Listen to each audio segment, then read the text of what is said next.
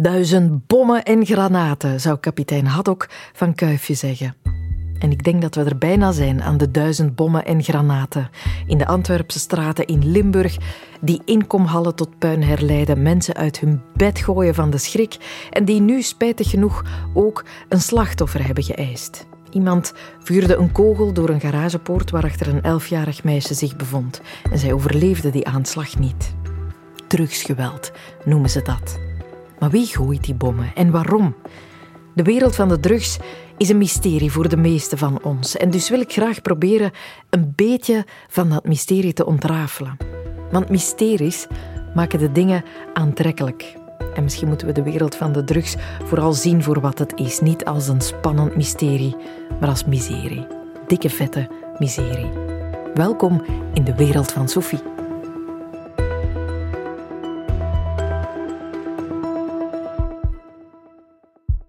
Joris van der A is misdaadjournalist in Antwerpen voor de Gazet van Antwerpen. En gezien de meeste bommen daar vallen, vraagt het drugsgeweld heel wat van zijn aandacht. Hij was een van de eerste verslaggevers ter plaatse die avond toen dat meisje doodgeschoten werd. Onbedoeld waarschijnlijk, vermoedt hij, een stom ongeluk.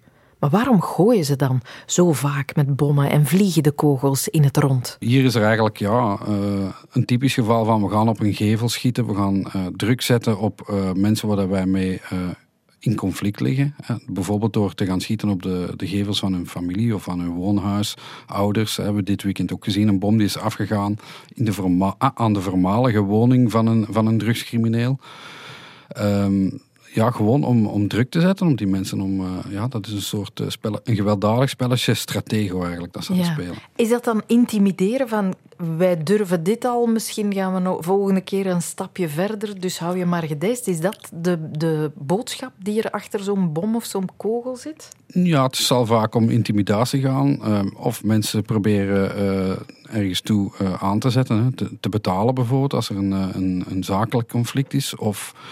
Um, het kan ook het geval zijn dat men eigenlijk eh, de aandacht van de politie op zijn tegenstander wil vestigen. Want natuurlijk iemand die een, eh, een handgranaat aan zijn deur krijgt of, een, eh, of als er op de woning geschoten wordt, ja, dan komt de politie natuurlijk onderzoeken wat is daar gebeurd. En dan worden ook de slachtoffers natuurlijk onder de loep gelegd. En als dat mensen zijn die zich bewegen in het criminele milieu, dan komt er een heel onderzoek Waardoor dat, zeg maar, de actieradius van zo'n zo'n crimineel eigenlijk beperkt wordt. Want hij, weet, en iedereen weet, dat hij op dat moment uh, de ogen van politie en justitie op zich gericht heeft. Stel nu dat dat een tegenstander is die heel actief is in de haven, bijvoorbeeld op een bepaalde kaai. En jij als drugsondernemer zou daar ook willen uh, werken, maar dat lukt niet, omdat anderen daar de plak zwaaien. Dan zou je bijvoorbeeld, dat hebben we in het verleden ook al een aantal keer gezien, dat de contacten van de tegenstander werden geviseerd. Dus dat de kra uh, kraanchauffeurs of uh, havenarbeiders, dat die geviseerd werden. Die kregen natuurlijk politie op bezoek en die gingen onderzoeken, ah, meneer, hebt u vijanden? wat is er hier aan de hand? En op dat moment waren die mensen eigenlijk, konden die geen kant meer op. En lag de, de baan vrij eigenlijk voor de, de tegenstander om die kaai in te nemen. Een simpel afleidingsmanoeuvre, kijk daar. Maar als men vooral wil intimideren, druk zetten, wat is dan daarvoor gebeurd? Heel vaak gaat het, uh, gaat het er dan over dat. Ofwel gaat het inderdaad over het, uh, de invloedssfeer of het marktaandeel, bijvoorbeeld in de haven ergens kunnen werken of niet kunnen werken, proberen ook ergens te werken. Ofwel gaat het over uh, zakelijke afspraken die niet zijn nagekomen. En bijvoorbeeld als een, een, een lading cocaïne verdwijnt, dan is er het vermoeden dat er gestolen wordt of dat er discussie is over de betaling. Dan kan het, wel eens, dan kan het er wel eens lelijk aan toe gaan. Um, hè, want je moet zien, de, de opdrachtgevers zitten vaak in het buitenland, in Dubai, Turkije of misschien Marokko. Of waar dan ook ter wereld. ze hebben dan hier hun contacten die hier in die haven actief zijn. mensen die hier die mensen in de haven aansturen. Ja, en hier verdwijnt er af en toe wel eens iets. Hè? Of het wordt gepakt door de politie en, het, en, en men, men, heeft daar geen duidelijkheid over. Wat is er eigenlijk met onze handelswaar gebeurd? Ofwel houdt men een deel achter omdat men vindt dat men recht heeft over een, een groter deel van, van de lading. Ja, en dan kunnen ze moeilijk naar de rechtbank van koophandel gaan om een discussie uit te vechten. En dan, ja, dan krijgen we eerst wat vuurwerkbommen en later kan het misschien wat heviger worden. Het meisje dat zo noodlottig aan haar einde kwam door een kogel door de garagepoort, bleek het nichtje te zijn van een aantal kerels die al verschillende keren omwille van drugsfeiten met het gerecht in aanraking waren gekomen. Een van haar ooms wordt drugsbaron genoemd in kranten. Hij zou steenrijk zijn en sinds een aantal jaren in Dubai wonen. Bart de Wever, burgemeester van de havenstad, noemde de familie de rijkste drugsfamilie van de stad. Dus als je al die woorden hoort, drugsbaron, samenwerkende familieleden, gigantische hoeveelheden geld, hebben we hier dan te maken met een drugskartel, een georganiseerde bende? Nee, ik zou dat niet doen. Um, het is niet zo dat. Uh, dat is geen organisatie op Italiaanse stijl, zullen we maar zeggen. Waar dat, dat er echt sprake is van uh, familieleden die samen één criminele organisatie zouden vormen ik sluit niet uit dat mensen wel eens samenwerken binnen die familie, maar evengoed uh, kunnen ze hun eigen gang gaan. Um, dus, dus dat is niet zo monolithisch als, uh, als dat je bijvoorbeeld in, uh, in, in Calabrië ziet, waar dat bepaalde familieclans echt zeer strak erbij horen en vooral de familiebanden belangrijk zijn. dat is, zo werkt het in, in ons land niet. Hoe dan wel? De Antwerpse groepen werken eigenlijk als, als kleine, zeer fluïde ondernemers eh, die gaan samenwerkingsverbanden aan met andere groepen als ze elkaar kunnen helpen. Bijvoorbeeld, dat kan zeer praktisch gaan. Hè. Men, wil een, eh, een uithaling van cocaïne doen in de, in de haven van Antwerpen. Op dat moment heeft men zelf niemand ter beschikking om hen op de kaai te helpen. Bijvoorbeeld omdat er iemand ziek is of, uh, of met verlof of wat dan ook. Ja, dan kan men bijvoorbeeld een beroep doen uh, op een havenarbeider van een die gelinkt is aan een andere groep of een chauffeur van een andere groep. Uh, sommigen zijn weer heel goed in het, uh, in het leveren van lege containers die op de gezet kunnen worden. En zo helpt men eigenlijk elkaar en werkt men samen. En de ene keer kan men samenwerken met de ene groep en dan weer met de andere groep. Dus dat is niet zo dat er een, uh, dat er, ja, zoals in Italië, dat er echt heel uh, strakke, in, lang in de tijd durende uh, criminele organisaties staan. Er zijn eigenlijk inderdaad onafhankelijke ondernemers die heel de tijd projectmatig allianties aangaan. In de illegale markt wel te verstaan. Want als je het zo hoort, ondernemers die projectmatig samenwerken, ja, dan klinkt dat als klein bier vergeleken met de drugsproblematiek in andere landen. Um, dat zou ik ook niet durven zeggen. Um, in het algemeen, uh, de, Ant de Antwerpse drugsondernemers die we kennen, dat zijn echt geen kleine visjes meer. Ik zeg niet dat dat nu uh, de top van de top in de wereld is, maar uh, aangezien um, de drugshandel en laten we zeggen, de zwa het zwaartepunt van de internationale drughandel echt wel een beetje naar Europa verschoven is. Vroeger keek men naar Colombia of Zuid-Amerika, omdat daar de, de grote, uh, de echte drugsbaronnen, genre Pablo Escobar of El Chapo zaten. Uh, nu, de, de, rol van de Zuid-Amerikaanse kartels, die, die, die, erg onder druk zijn gekomen door acties van onder meer de Amerikaanse drugsbestrijdingsorganisaties, maar ook de, de lokale, het leger. Dus die kartels in Zuid-Amerika die zijn helemaal versplinterd. En dat zegt men in Colombia zelf ook. Je hebt daar mini-kartels, een beetje, eh, die, zorgen voor de, de levering van cocaïne, maar hun rol is eigenlijk beperkt. Zij zijn niet meer de grote smokkelaars. Zeg maar de, de smokkelactiviteiten die zijn door de, de Europese uh, drugsondernemers overgenomen. Dus het zwaartepunt is wel naar Europa gekomen, ook omdat ja, de Colombianen uh, een deel de Amerikaanse markt zijn kwijtgeraakt, kwijtgespeeld aan de Mexicanen de Colombianen zijn zich op Europa beginnen richten en die zijn beginnen samenwerken met uh, de lokale criminelen, uh, Italianen, Marokkanen, uh, Albanezen. En die, daar zit vooral het zwaartepunt van die, van die drugshandel. Dus daar wordt ook het meeste geld verdiend.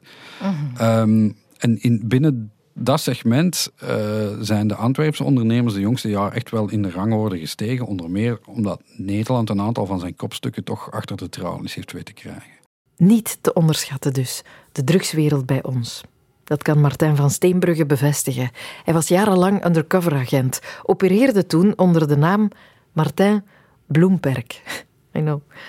In zijn jaren onder die dekmantel spoorde hij een uh, gestolen Van Gogh op, infiltreerde hij in criminele bendes en werd hij ook ingezet in de war on drugs. Hoe ervaarde hij het drugsmilieu bij ons?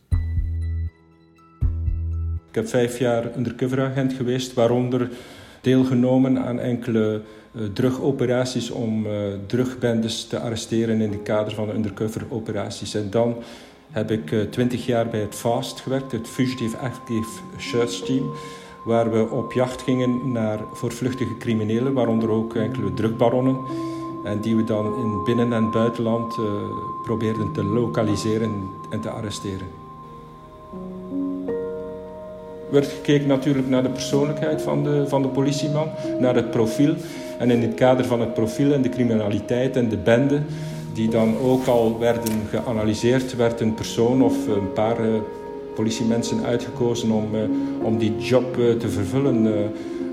de coördinatoren van het undercover team kozen dan de mensen uit waarvan zij dachten dat zij pasten in dat profiel met die bepaalde bende, criminele bende.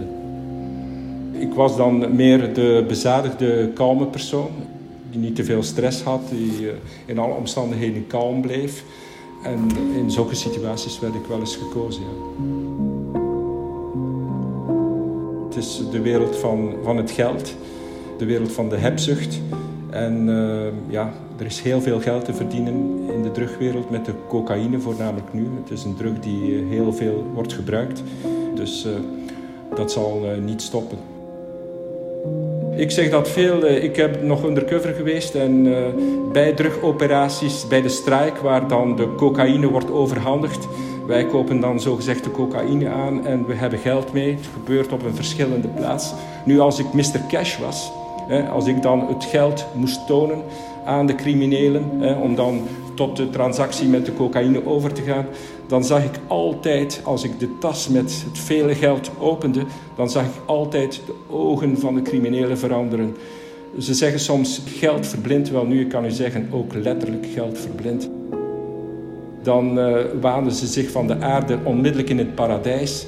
Ze veranderden van houding, uh, werden, ja, werden, de meesten werden dan poeslief. Ik heb eigenlijk nooit geweten dat ze al het geld telden. Ze, ze, ze, ze, draaiden even met de bankliassen en, en dat was het. En uh, natuurlijk wisten ze niet dat bij de overhandiging dat dan de arrestatie uh, volgde en dat ze dan uh, plotseling van het paradijs in de hel belanden. Maar ik zeg het, de gruwel van het geld, de hebzucht, is de drijfveer van die drugbendes. Niks anders. En een mensenleven is dan heel wat minder waard. Ik moest denken aan Mohammed Ben Abdelak, een, eh, een drugbaron, de grootste drugbaron van, eh, van Frankrijk, Le Bombay, de dikkop genoemd. Die was eh, gearresteerd in Frankrijk. Die werd dan door een commando bevrijd wanneer hij met een transportwagen naar de onderzoeksrechter werd gevoerd. Met, in commandostijl met Kalashnikovs, een Franse gendarme, werd dan ernstig gekwetst, heeft die aanslag niet overleefd. En Ben Abdelak werd dan de meest gezochte uh, voortvluchtige van Frankrijk. En op een bepaald ogenblik kregen wij uh, de informatie uh, van de Franse collega's dat hij twee dagen in Brussel zou verblijven. we hadden twee dagen de tijd om hem te lokaliseren, die drugbaron. We hebben dan gewoon de foto's van Ben Abdelak getoond aan de lobby van ieder Brussels hotel. En ik kan u verzekeren, er zijn heel wat hotels in Brussel. De tweede dag, we hadden nog één dag, hebben we dan de foto getoond aan alle IMO-kantoren in Brussel. En diezelfde middag uh, zat ik een, uh, sandwich te eten uh, toen een collega van mij belde om mij te zeggen: Martin, ik denk dat we hem hebben gelokaliseerd. Er is juist een manager van een IMO-kantoor die hem heeft herkend op de foto. En ik kom binnen een uur naar het IMO-kantoor om een bemeubeld appartement te bezoeken. We zijn dan uh, onmiddellijk naar Ginder gereden. Het bleek Ben Abdelak te zijn, we hebben hem gearresteerd. En uh, het was heel moeilijk uh, om zijn vingerafdrukken te nemen. We hebben dan op de klassieke wijze twee vingers kunnen losmaken, want we zaten er met tien op. Eigenlijk om twee vingers los te maken met de klassieke inkt hebben we twee vingerafdrukken kunnen nemen. We hebben die naar Frankrijk gestuurd. We kregen daar de hit voor te zeggen: ja, jullie hebben de most wanted van Frankrijk, de drugbaron Ben Abdelak, gearresteerd. Het is wel degelijk hem. Drie dagen later, de zondagavond, was er al een reed op de gevangenis in Sint-Gilles om hem te bevrijden met een commando, met Kalashnikovs. Zijn niet tot bij Ben Abdelak geraakt, die met medeplichtigheid van twee advocaten al in het gesprekkantoor zat heel dicht bij de uitgang. Ze zijn dan uh, gevlucht, het uh, bevrijdingscommando, achtervolgd door de politie. Er is met Kalashnikovs geschoten op de ring van Brussel. Ze zijn er dus niet in geslaagd om Ben Abdelak, die terugbaron, te, te bevrijden. Wel nu, dat moordcommando had geld gekregen van de bende, van die terugbende, meer dan 100.000 euro. Ze hebben dat geld niet teruggegeven, ondanks het feit dat de poging mislukt was. Eh, wel nu, die zijn enkele weken later teruggevonden in een bestelwagen, geëxecuteerd. En ze hadden daarvoor in een zoutbad eh, zoutzuur gezeten, waren Hans ontveld. Dus om maar te zeggen tot welke gewelddaden drugbaronnen toe in staat zijn om eh, het rijk te behouden die ze hebben. En als ze dan niet krijgen wat ze willen, dat een mensenleven niks waard is. En dat, is, uh, dat was enkele jaren geleden zo en dat is vandaag in alle gevigheid nog altijd het geval.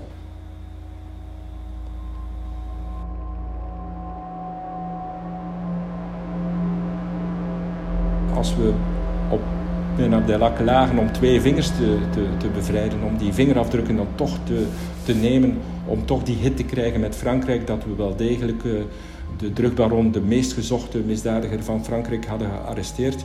Wel nu, dan zijn we ook bedreigd geweest met de dood. J'aurais tapo, j'aurais tapo, riep hij verschillende keren. Dus uh, uh, dat is niet anders. vroeger was dat niet anders dan dat dat nu is. Een, ik zeg het je wordt bedreigd met, uh, met, uh, met gewelddaden, met, met, met de dood soms. In het kader van het feit dat zij hun vrijheid uh, verliezen. Vrijheid is het hoogste goed. ook voor criminelen. En als ze van hun vrijheid beroofd worden, je ziet, Ben Abdelak is, is twee keer bevrijd.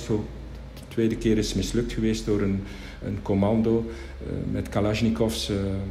ja, het geweld is, is aanzienlijk. Zijn dat bedreigingen die nog altijd openstaan, denkt u? ik denk dat uh, Ben Abdelak, die drugbaronnen, dat ze heel veel mensen bedreigen. Hè. Zeker als hun vrijheid of hun geld wordt, uh, of hun, hun imperium wordt aangetast of wordt bedreigd, dan zijn ze tot alles in staat. Altijd en allen tijden, ja. De rekeningen worden misschien verheffend. Ligt u daar wakker van? Nee, zeker niet. Nee, nee. nee, ik ben al op een zekere leeftijd gekomen dat ik uh, uh, daarin heel kalm blijf. Een leven als in de films, dat van Martijn van Steenbrugge, ex-undercover agent. En het plaatje dat hij schetst, dat is wat hier bij ons gebeurt. En wat hier bij ons gebeurt, valt nog niet te vergelijken met wat in Nederland gebeurt. Het probleem is groter bij hen. Teun Voeten, die antropologisch verschillende boeken schreef over drugs en doctoreerde op het probleem van drugsgeweld in Mexico, noemde Nederland zelfs al eens een narcostaat. Een functionele narcostaat. Uh, er zijn ruzies over de definitie van narcostaat. Ja. Maar voor mij is het heel essentieel dat er een enorme deel van de economie uit drugshandel bestaat. Nederland heeft een enorme grote drugsbusiness. De import, export, productie, uh, en consumptie. Mm -hmm. België is nog lang niet zo erg. Hier wordt uh, niet zoveel geproduceerd, hier wordt minder geconsumeerd. het is wel een, een, een, groot doorvoerland. Maar ik zou België geen narcostaat willen noemen, terwijl ik Nederland heel duidelijk wel typeer als, als een narcostaat light. Een narcostaat light. Ja, die hebben een andere geschiedenis. er is een heel schizofreen gedogenbeleid geweest... waardoor het toegestaan was in coffeeshops marihuana te verkopen kleine hoeveelheden, 30 gram, wat geen kleine hoeveelheid is, dat is een grote voorraad voor een dealer. Uh, er is een enorme ondergrondse uh, wietindustrie ontstaan, want het wiet was illegaal om te kweken. Uh, en die illegale wietindustrie, die, die wietmafia, die is zich naderhand gaan diversiëren in ecstasy, synthetische drugs, MDMA en cocaïne en tegenwoordig zelfs ook, ook crystal meth. Ah ja, oké. Dat wordt en allemaal... Dat hebben, wij hebben hier een beetje overflow in de Kempen. Uh, maar de, het is nog lang niet zo erg als in, uh, als in Nederland. Hoe komt het dat het in Nederland zoveel... Want het gaat er ook veel agressiever aan toe, hè? De... Ja, kijk, de Hollander is over het algemeen... Uh, ik beschouw mezelf als Brabander iets lomper en assertiever en harder. En commerciëler en kapitalistischer. de Belgen zijn ja, ik, ik verval nu in generalisaties, maar toch wel iets liever en iets bescheidener. En wat je dus ook hebt in. Uh, er zijn veel groepen uit uh, Antwerpen met een Marokkaanse achtergrond.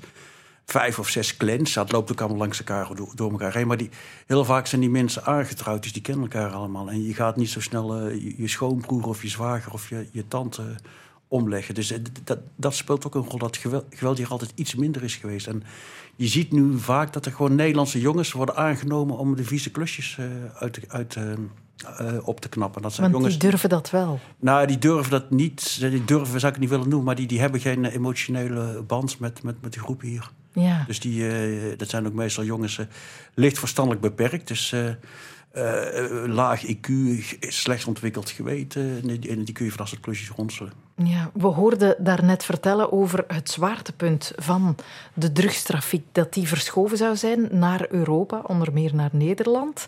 Uh, Ziet u het ook zo? Nou, je hebt heel hoop verschillende lijnen. Je hebt bijvoorbeeld de crystal meth productie. Dat is van Mexico naar, naar, naar, naar Noord-Amerika. Je hebt de cocaïne, dat is van Latijns-Amerika inderdaad naar, naar Europa. Gaat ook een hele hoop naar, naar West-Afrika. Maar je hebt ook een enorm productiecentrum van crystal meth in, in Azië, in, de Gouden Driehoek. Dus er zijn een hele hoop verschillende lijnen. En er gaan ook, zijn ook lijnen van uh, Zuid-Amerika naar, naar, naar Oceanië, naar Australië. Dus, maar in ieder geval de, de, de belangrijke lijn. Uh, omdat uh, de, de consumptiemarkt voor cocaïne is enorm gestegen in, in Europa. Ja, en het ligt dus aan de consumenten ja, kijk, in de laatste instantie zijn de consumenten. Kijk, zonder consumenten waren er geen vraag. Maar consumenten, je hebt heel veel verschillende type consumenten. Je hebt inderdaad hier de, de yoga-snuivers en de Zuid, eh, Amsterdam, de Zuidas. Dat is de, financiële eh, eh, regio van Amsterdam. En je hebt hier op de Zuid natuurlijk ook de, de advocaten. En, uh, het Antwerpse Zuid. Het Antwerpse Zuid, ja. Maar je hebt ook het Amsterdamse Zuidas, dat zijn de banken. Um, maar je hebt natuurlijk ook, laat ik zeggen, de onderklasse die crack cocaïne gebruiken. En zelfs hier in, in Brussel, tegenwoordig de botaniek, uh, heb je dus een nieuwe klasse van uh, verschoppelingen, dakloze, illegale migranten die, die, aan de crack zitten.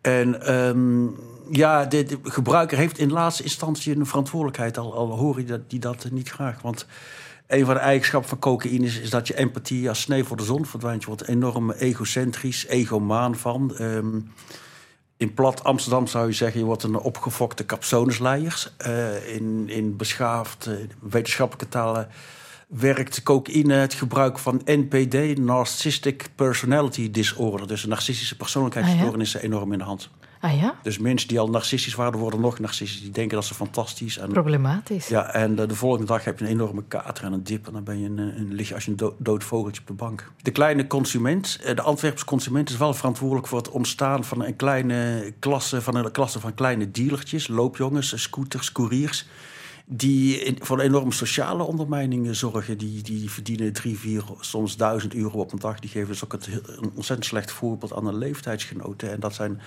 ja, die, die, die streven op een hele platte manier eh, materialistische dingen naar. Gewoon uh, dure kleertjes, dure schoentjes. En, en dus de consument in Antwerpen heeft inderdaad verantwoordelijkheid voor het doen ontstaan van die kleine klasse scooterboys, noem ik ze maar. Uh, die uiteindelijk, waaruit uiteindelijk de grote drugs begonnen komen. even terug naar de organisaties internationaal. België stelt uh, weinig voor tegenover Nederland. Ah, dat, dat, vind ik ja, nou weinig voor. Oké, ik mag het ook niet minimaliseren. maar, maar, mag niet, nee, maar wat Joris, eh, collega Joris net ook zei. Uh, Belgen die zijn inderdaad gegroeid. Dat waren vroeger een beetje de uithalers. Dus de, de, de, de onderaannemers van de Nederlanders. En die, die hebben nu zelf ook geleerd hoe het moet. En uh, daar zijn ook grote jongens bij. Het is niet de top van de top. Nee. Maar het zijn toch wel uh, behoorlijke spelers op de internationale markt. In Nederland gaat het er al wat steviger aan toe. Als we dan gaan kijken naar uw specialiteit, uh, het drugsgeweld in Mexico. Ja. is dat nog van een andere orde? Ja, dat is een andere orde. Ik kom weer net terug uit Mexico. Elk jaar vallen er in Mexico 30.000 doden. Uh, ik was in de staat Michoacán. Daar is de grootste metproducerende staat van Europa. Dat is verdeeld in een lappendeken van territoria van, van 20 verschillende kartelletjes. Met letterlijk checkpoints en, en de kartels en zelfverdedigingsmilitie... die ook weer criminele groepen zijn die het economische leven domineren. En het is, leger en politie hebben daar niks te zeggen. Hoewel die met de nieuwe regering heel, heel actief deployed ingezet worden. En je hebt natuurlijk het geval van Culiacan, daar ben ik ook net geweest. Er is dus net de, de zoon van El Chapo, Ovidio. Ja, curieuze gebeurtenis, want plots leek uh, de hele regio op stelte te staan. Ja, daar is, zoals het heet, een criminal insurgency, een revolte van de, de criminaliteit. Uh, drie jaar geleden werd Ovidio Guzman ook gearresteerd, maar dat gebeurde min of meer per, uh, per ongeluk. En toen hebben zich drie of vierhonderd kartel gunmen, dus leden van de kartels, die hebben zich onmiddellijk gemobiliseerd. En met de allerzwaarste wapens, 50 cal, dat, dat zijn oorlogswapens, een soort anti-luchtafweergeschut, dat, dat kaliber. En toen zijn er ongeveer uh, eh, 30 uh, eh, doden gevallen, vooral aan de kant van leger en politie. En het liep zo uit de klauw dat de president van Mexico persoonlijk besloten heeft dat Ovidio losgelaten moest worden om het meer bloedvergieten te voorkomen. Deze keer hebben ze de operatie iets anders aangepakt. Hij is op, opgepakt in een heel klein dorpje. Zo'n 100 kilometer van Culiacan. Hij is onmiddellijk met een helikopter naar een maximum security prison gebracht. Dus niet in de streek gebleven. En er is een overweldigende legermacht en politiemacht gemobiliseerd. Er zijn zelfs vliegtuigen geweest. De luchtmacht heeft zelfs uh, huizen van kartels aangevallen. Om één man te arresteren. Ja, en dat is een iets, iets andere orde dan inderdaad... Uh, Amsterdam is verschrikkelijke onthoofdingen zijn hebben er plaats. Maar het is nog steeds niet dat, dat de Nederlandse luchtmacht uh, een huis van de Mokro-maffia gaat bombarderen. Nee, nee, nee. Maar uh, dat geweld dat dan ontstaat wanneer de zoon van El Chapo gearresteerd werd, dat ontstaat niet, want je krijgt haast de indruk dat de bevolking daar boos om is. Uh, maar dat is niet het geval. Het zijn kartelleden. Het kartel heeft daar heel veel steun onder de bevolking. Er wordt vaak gezegd, ik sprak met mensen die zeiden van verschil tussen de, de kartels en de overheid is uh, ambos de chingan pero al gobierno con licencio. Dat betekent, je wordt er beide genaaid uh, en verneukt. Maar de regering doet het met een toestemming. Dus men heeft niet zoveel vertrouwen, fiducie in de regering. En met de kartels weet je in ieder geval met wie je kunt praten. En toen El Chapo de eerste keer werd opgepakt, dus de grote baas, papa, papa El Chapo... Er waren ook grote demonstraties in, in Culiacan van mensen die liepen rond met witte spandoeken van Free El Chapo. Dus dat, dat is hier moeilijk voor te stellen. Maar die mensen geven ook heel veel terug aan de gemeenschap. Dat is een soort vorm van corporate social responsibility. Die geven veel werk. Die, en daar komt ook via die drugseconomie enorm veel geld terug in de economie. Iedereen heeft daar een beetje boter op zijn hoofd. Bijvoorbeeld alle grote eh, showrooms van, van four-wheel drives. Ja, die verkopen alleen maar aan narco's. Dus als de narco-industrie zou wegvallen, zou die geen Dan hebben die problemen. Begin dat eens aan te pakken. Ja. Uh, gaat dat ook altijd van vader op zoon? Uh, soms wel en, en, soms niet. Uh, kijk, de El Chapo-familie is vrij groot. Dus en die, de man die nu is opgepakt, Ovidio, zijn bijnaam is de nieuwe muis, El Nuevo Raton. Ehm, hij heeft ook nog andere broers. En het schijnt dat uh, Ovidio niet, niet echt een grote, grote speler was. Maar uh, kijk, dat, dat, dat Sinaloa-kartel, het, is ook niet één, één hiërarchische organisatie. Het zijn een paar families die samenwerken, waarvan de, familie van El Chapo het machtigste is. En die zorgen voor orde en security. Die tolereren niet dat er andere kartels komen. Uh, als er straatboefjes zijn die, die, die kruidenierswinkeltjes overvallen dan worden die straatboefjes uh, point blank geëxecuteerd. Dus die, die, die zorgen ook voor een soort law en order. Omdat de regering dat uh, blijkbaar niet doet. Mhm. Dus het zijn hele vreemde. Het is een hele andere opvatting van law en order en, en, en, en justitie die je hebt als een, een kartel aan de macht is. Een heel andere vraag. Zijn er plekken in de wereld waar uh, geen drugsproblemen zijn. Uh, En kunnen we daarvan leren denk, om het te eh, bestrijden? Ik denk de Noordpool en de Zuidpool en, en ah, ja, Groenland.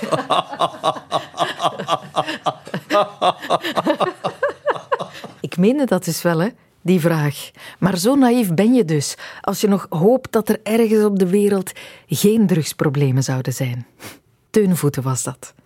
En zo hebben we al een soort basisschets van de grootorde van de problemen. Wij hebben grote problemen, de Nederlanders nog meer en in landen als Mexico is iedereen in de klauw van de drugs. Dennis Soto die heeft zowel in Nederland als in Zuid-Amerika gewerkt voor een drugskartel. Dennis Soto, dat is een verhaal apart. Je vindt er niet veel zoals hij. Danny is er namelijk in geslaagd uit een drugskartel te stappen. Hij kwam op zijn negende, na een gewelddadige jeugd in Aruba, in Nederland terecht, in de hoop op een beter leven maar hij belandde daar recht in de criminaliteit, recht in de drugswereld. Een wereld die hem vervult aanvankelijk. Maar dan plots niet meer. Hoe vond hij zijn weg uit het kartel, uit de criminaliteit, uit die miserie? Dat vertelde hij aan Anke van Meer.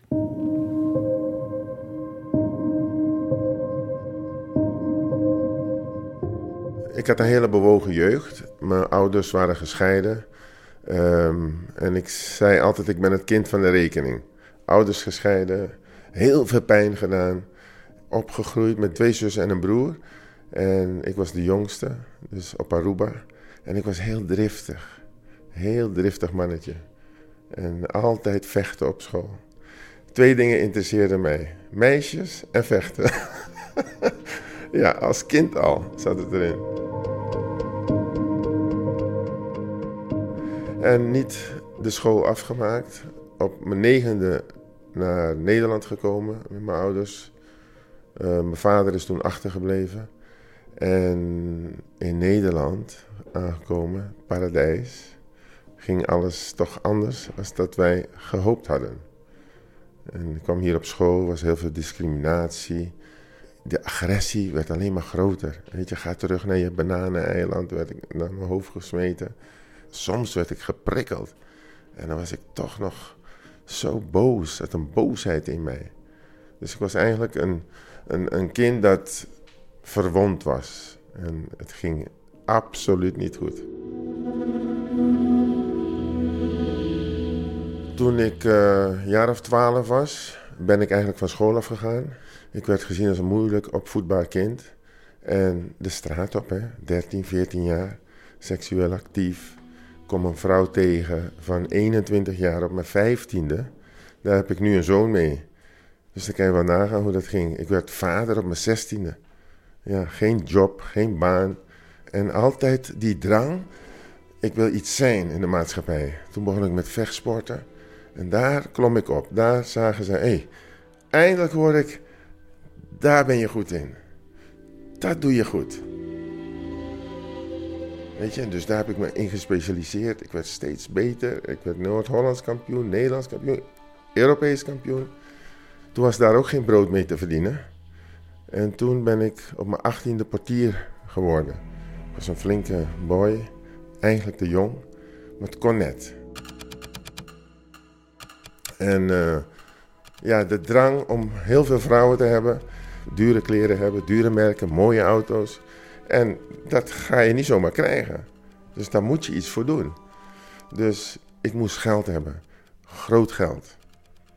En dat was ook niet meer te verdienen. En op een gegeven moment uh, ben ik een paar Colombianen tegengekomen. Mijn vader is Colombiaan. En uh, op een gegeven moment konden die toch iets in mij triggeren. Snel geld, hit en run. Je, je doet even met ons mee, even. En we hebben je alleen maar nodig om te vertalen. Want je bent bilingual. Je spreekt Nederlands, je spreekt Spaans vloeiend. Dus we hebben je nodig. Je hoeft verder niks te doen. Zo naïef was ik, want ik kende de drugswereld niet. Ik deed van alles. Ik heb inbraken gedaan. Ik heb alles gedaan wat je maar kan bedenken, maar geen drugs. En um, ja, op een gegeven moment was het toch zover. Dan ging ik voor de bijl.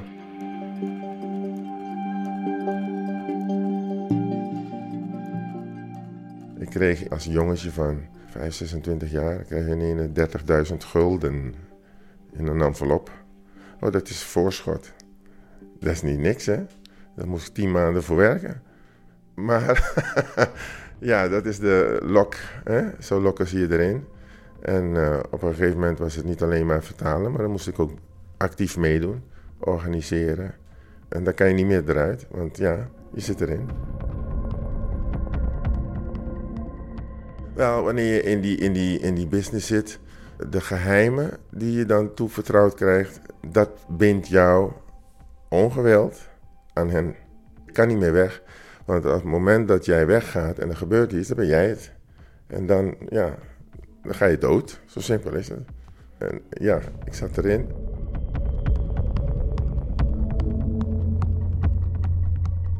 Ik heb de grote man, de grote, grote man nooit ontmoet.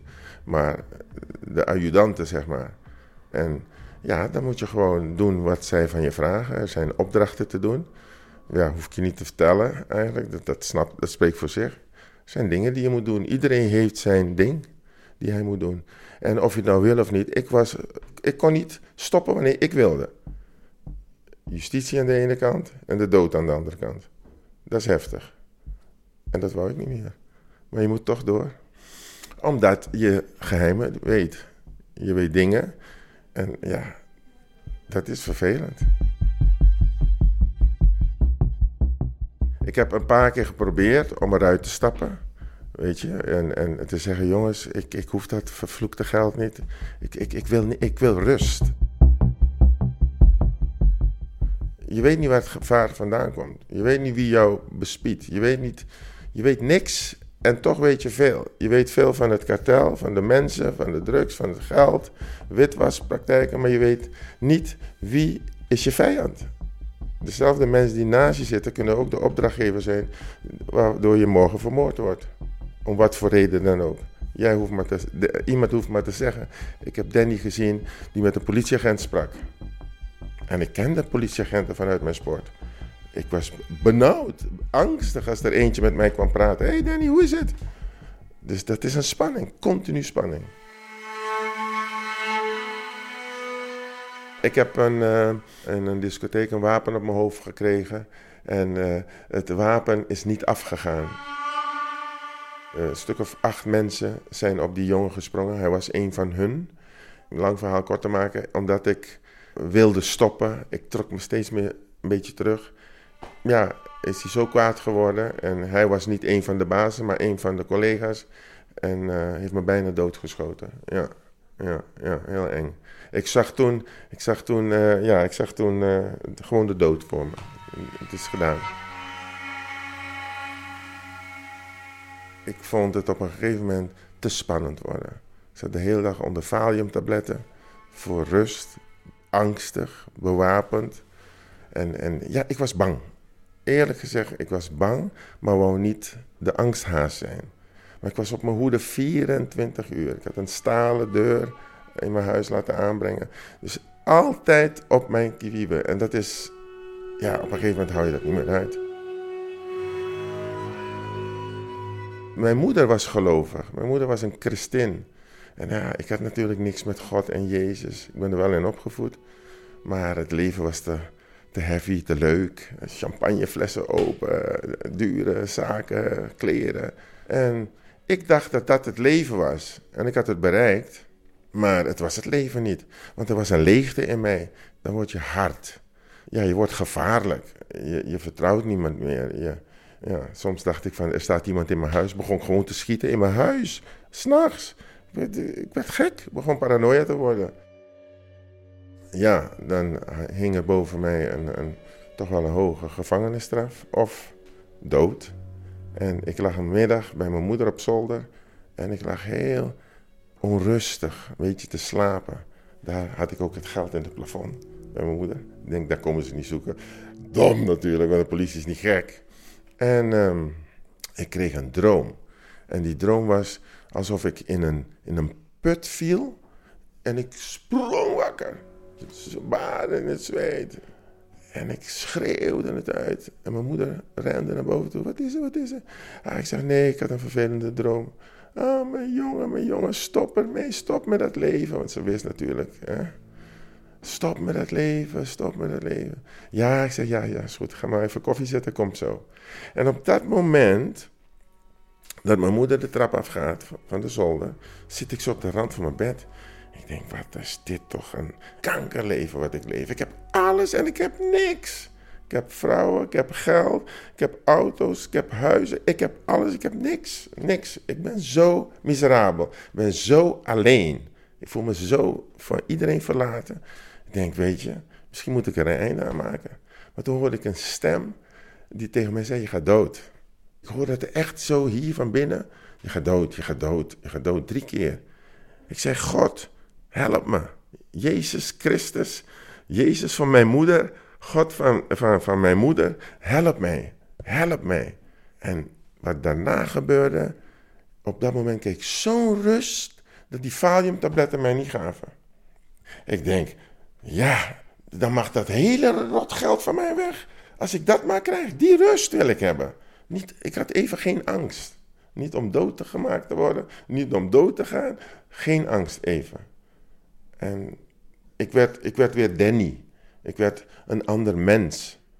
Maar dat gaat niet samen met glitter en glamour en wijverij en hoererij en, en al dat geld en disco's. En, en zo langzamerhand ben ik me gaan openstellen. Ging niet makkelijk. Nee, absoluut niet. Momenten dat ik dacht van, god, uh, heel fijn, maar dit gaat niet. Dit, dit, ik mis te veel.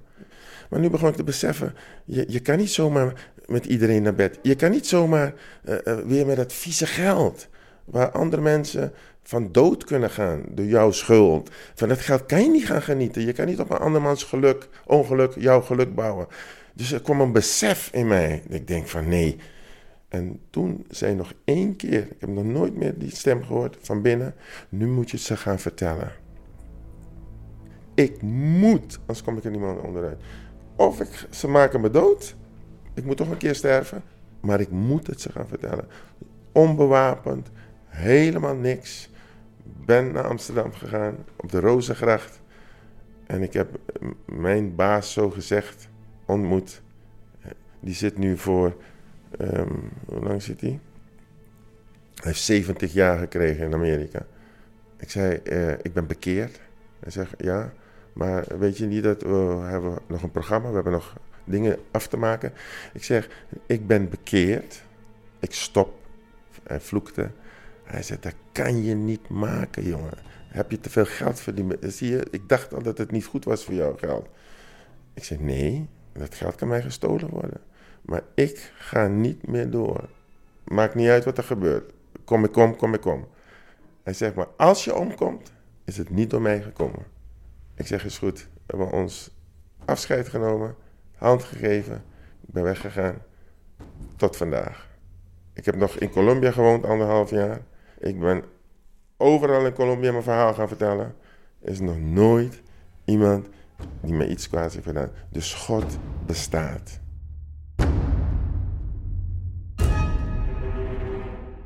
Ik was in 88 eruit gestapt. Zij zijn in 90 geloof ik allemaal gepakt. Ze hebben ze gepakt op heterdaad. Want in de groep zat een informant, die ik ook heel goed ken.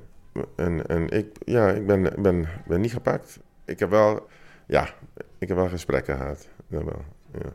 Er was een hele uh, korps van de politie die mij volgde natuurlijk. Ze hebben me gekeken die twee jaar hoe het ging met mij, of ik echt gestopt was. Want er was geen bewijs tegen mij.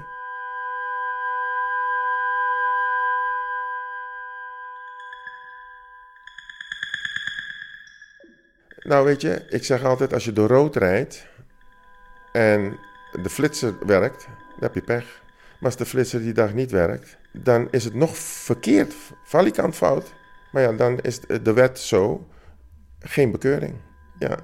En, en is dat geluk? Nou, ik weet niet geluk.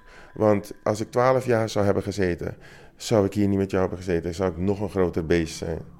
Maar ik heb buiten ook mijn straf gehad. Want als de hele club zit en jij niet, dat klopt niet hè.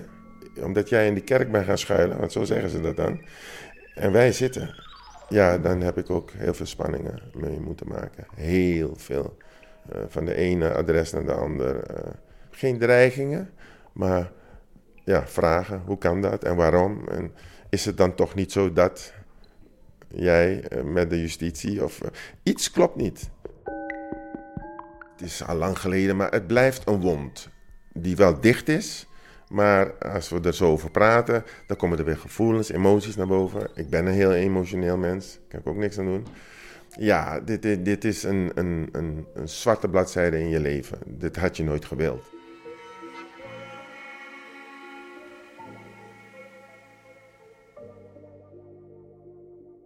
Het gaat nu heel goed met mij en uh, ik mag heel veel mensen helpen, jongeren, ja, we hebben drie kerken. Ja, er zijn ook mensen die in de drugs hebben gezeten, die bij ons zijn gekomen. Hun leven is totaal, totaal veranderd. Ja, ik zou het liefst willen dat iedere eh, drugsdealer zich bekeerde, want er is een weg eruit. Ik vind het verschrikkelijk dat die jongens in een illusie leven een leugen. Een grote vette rover of een Mercedes, een, een BMW, een huis met een zwembad bouwen. is een illusie. Dit brengt geen geluk. Dit is tijdelijk. Of je nou in Dubai gaat schuilen of in Amerika, ze komen je, halen. Is het niet de justitie, dan is het de mensen waar je mee werkt. Want dit geld is vloekgeld. Niemand die ik ken is er goed van geworden. Pablo Escobar, Leder, Nou, die gast waar ik het over had, 70 jaar in Amerika. Ze hebben hem uit Colombia weggehaald. Dus dit loont niet. Als iemand erin zit nu en die denkt van... hé, hey, eh, ik, ik, begrijp waar je het over hebt, stop ermee. En als je die mee kan stoppen, vraag aan God om je te helpen. Er is altijd een second chance. Iedereen moet een tweede kans hebben in het leven. En die heb ik gehad.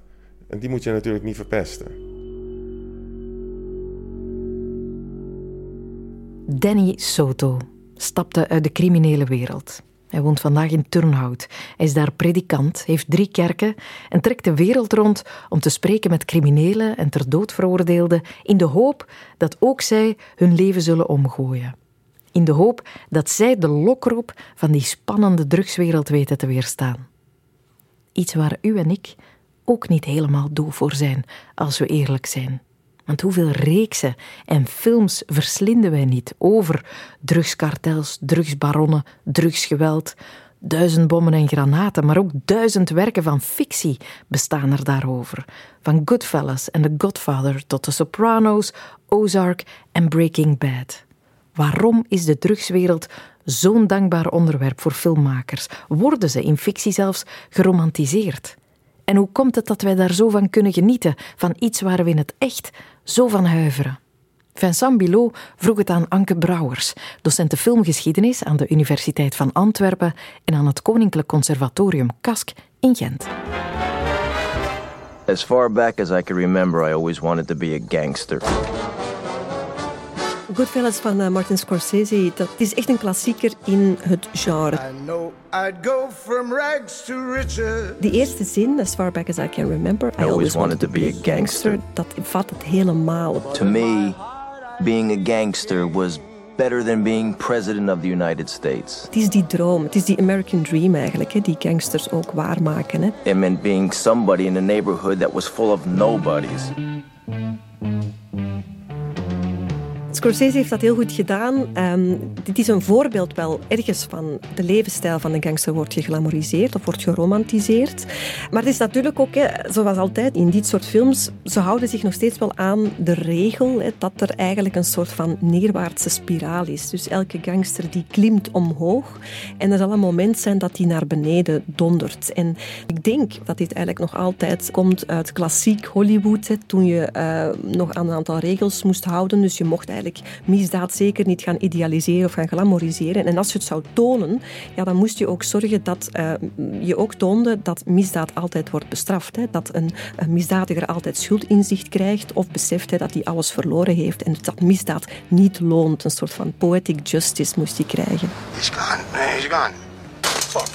I can't believe it. I can't fuck en dat zie je uiteindelijk ook wel uh, in films als, als Goodfellas. Die eindigen ook allemaal in, in min of meer toch miserie. Het eindigt allemaal met drugsverslaafden en met heel veel lijken. Maar het is hard werken en dan het maken. Dat is de Amerikaanse droom. Je kan van nul beginnen, helemaal onderaan. En je kan helemaal bovenaan eindigen. En heel veel van die mensen uit het drugsmilieu komen helemaal onderaan. Een jeugd van abjecte armoede. En dan is die klim op de ladder uiteraard een grote droom. En bijna te begrijpen, want ze komen echt uit die moeilijke situatie. En ze willen hogerop. In the sunshine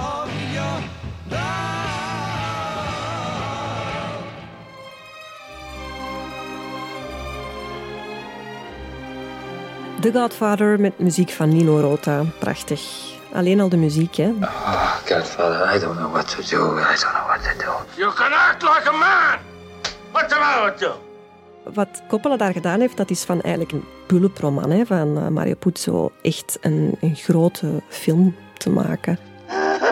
What can I do? What can I do? Bijna tot vervelens toe wordt deze film geciteerd. I'm gonna make him an offer he can't refuse. Maar het is inderdaad highly quotable. Hè. Dat zijn zinnetjes die, uh, ja, die zo vaak van toepassing zijn. En uh, het is wat dat betreft ook wel, hè, de Godfather, echt een, uh, een referentiepunt. Just when I thought I was out, they pulled me back in. Prachtig, gebruik ik dagelijks trouwens. Nee hoor, niet dagelijks. Uh, maar regelmatig is die quote ook wel van toepassing. Heb je het gevoel op het leven. Nee, just when I thought I was out, they pull me back in. Al Pacino in The Godfather.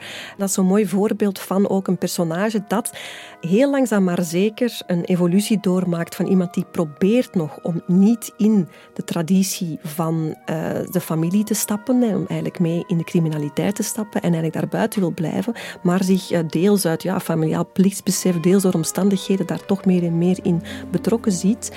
En dan uiteindelijk nog erger wordt dan iedereen daarvoor. Michael!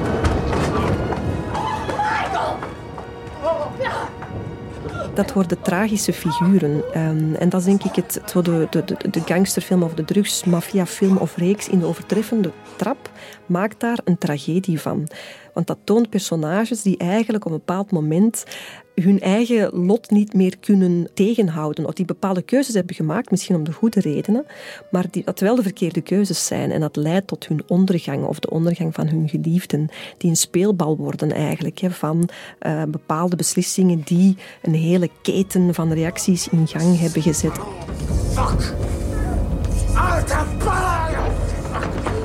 Heel geestig is ook wel dat die iconische quote, zoals Just when I thought I was out, they pulled me back in, wordt geciteerd een paar keer in uh, The Sopranos, waar ze ook echt een beetje schwermen. Dus dat is eigenlijk op zich wel, wel geestig. So, cheer me up, babe. Just when I thought I was out, they pulled me back in. huh? Zappuccino, Zappuccino. Fucking spit image.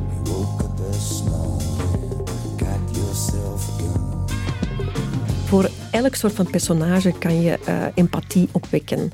Je doet dat he, door die subtiel een aantal evoluties te laten doorgaan in zijn karakter. You fucking Tony me. Waardoor we die toch wel gaan waarderen. He. De sympathy for the devil kunnen we krijgen. He. Bij de Sopranos volgen we ook een maffiafamilie. Dat zijn criminelen, die stellen eigenlijk verschrikkelijke daden.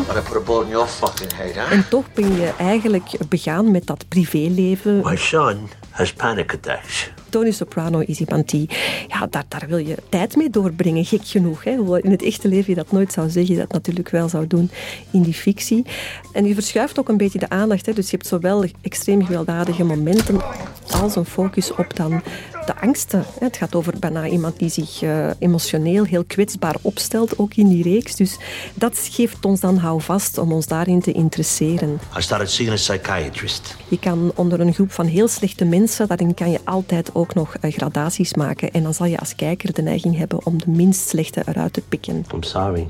I love you. Dus allemaal criminelen, maar er is één crimineel die uh, niet zo slecht is dat die katjes zou doodknijpen. Wel, dan vinden we die tof. En dan gaan we daar eigenlijk ons wagentje een beetje aanhangen.